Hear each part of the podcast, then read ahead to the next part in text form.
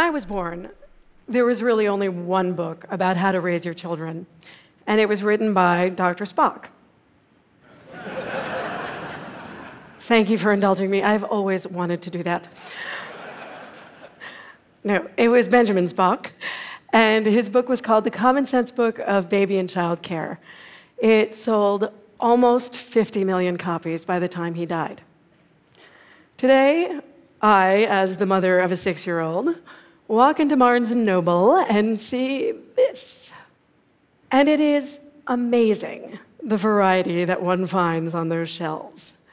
There are guides to raising a eco-friendly kid, a gluten-free kid, a disease-proof kid, which, if you ask me, is a little bit creepy. Um, there are guides to raising a bilingual kid, even if you only speak one language at home. There are guides to raising a financially savvy kid, and a science minded kid, and a kid who is a whiz at yoga. Short of teaching your toddler how to defuse a nuclear bomb, there is pretty much a guide to everything. All of these books are well intentioned. I am sure that many of them are great. But taken together, I am sorry. I do not see help when I look at that shelf. I see anxiety I see a giant candy colored monument to our collective panic. And it makes me want to know why is it that raising our children is associated with so much anguish and so much confusion? Why is it that we are at sixes and sevens about the one thing human beings have been doing successfully for millennia, long before parenting message boards and peer reviewed studies came along? Why is it that so many mothers and fathers experience parenthood as a kind of crisis? Crisis might seem like a strong word, but there's data suggesting it probably isn't. There was, in fact, a paper of just this very name, Parenthood as Crisis, published in 1957.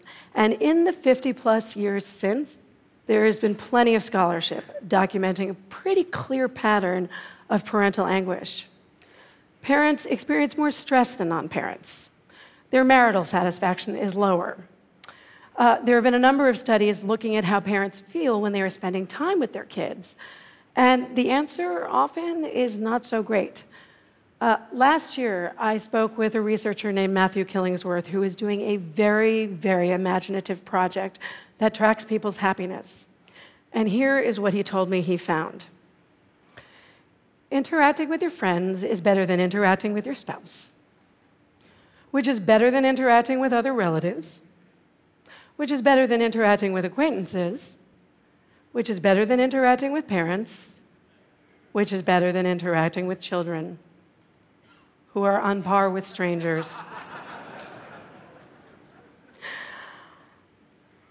but here's the thing I have been looking at what underlies these data for three years. And children are not the problem. Something about parenting right now, at this moment, is the problem. Specifically, I don't think we know what parenting is supposed to be. Parent, as a verb, only entered common usage in 1970. Our roles as mothers and fathers have changed. The roles of our children have changed. We are all now furiously improvising our way through a situation for which there is no script. And if you're an amazing jazz musician, then improv is great. But for the rest of us, it can kind of feel like a crisis. So, how did we get here? How is it that we are all now navigating a child rearing universe without any norms to guide us? Well, for starters, there's been a major historical change. Until fairly recently, kids worked on our farms primarily, but also in factories, mills, mines. Kids were considered economic assets. Sometime during the progressive era, we put an end to this arrangement. We recognized kids had rights, we banned child labor, we focused on education instead, and school became a child's new work. And thank God it did.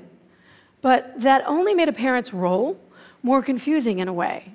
The old arrangement might not have been particularly ethical, but it was reciprocal. We provided food, clothing, shelter, and moral instruction to our kids, and they, in return, provided income. Once kids stopped working, the economics of parenting changed. Kids became, in the words of one brilliant, if totally ruthless sociologist, economically worthless but emotionally priceless. Rather than them working for us, we began to work for them.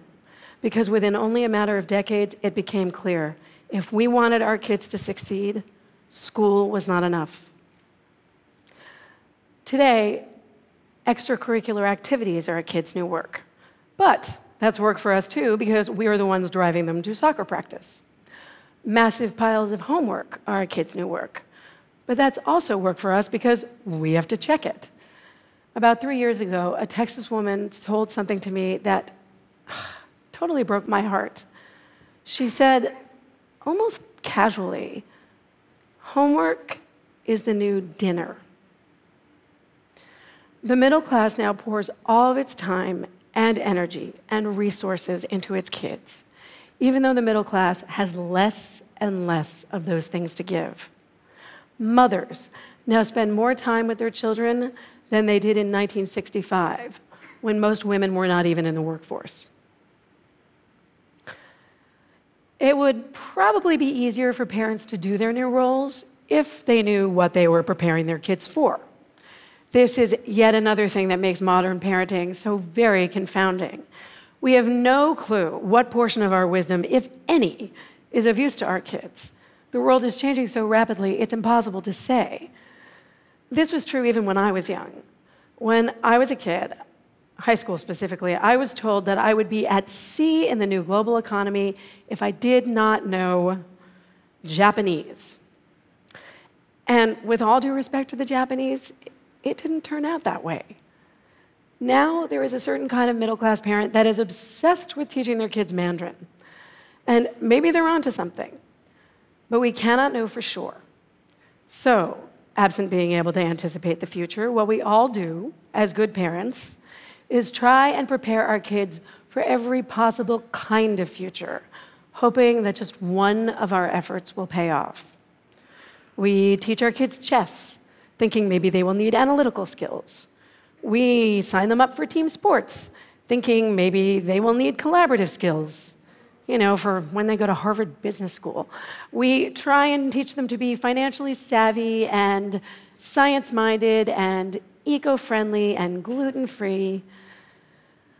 Though now is probably a good time to tell you that I was not eco friendly and gluten free as a child. I ate jars of pureed macaroni and beef. And you know what? I'm doing okay.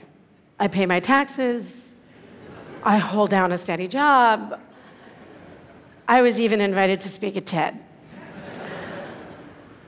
But the presumption now is that what was good enough for me, or for my folks for that matter, isn't good enough anymore.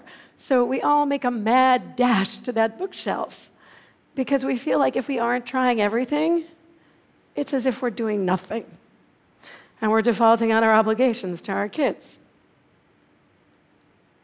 So it's hard enough to navigate our new roles as mothers and fathers. Now, add to this problem something else. We are also navigating new roles as husbands and wives because most women today are in the workforce. This is another reason I think that parenthood feels like a crisis.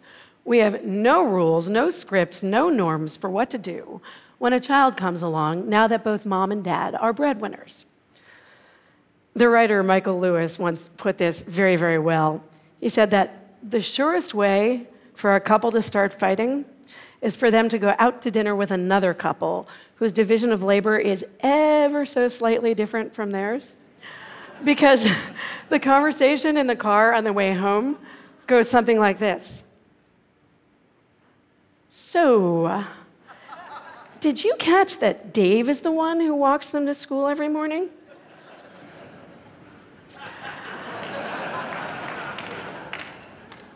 Without scripts telling us who does what in this brave new world, couples fight. And both mothers and fathers each have their legitimate gripes. Mothers are much more likely to be multitasking when they are at home, and fathers, when they are at home, are much more likely to be monotasking. Find a guy at home, and odds are he is doing just one thing at a time. In fact, UCLA recently did a study looking at the most common configuration of family members in middle class homes. Guess what it was? Dad in a room by himself. According to the American Time Use Survey, mothers still do twice as much childcare as fathers, which is better than it was in Erma Bombeck's day, but I still think that something she wrote is highly relevant. I have not been alone in the bathroom since October.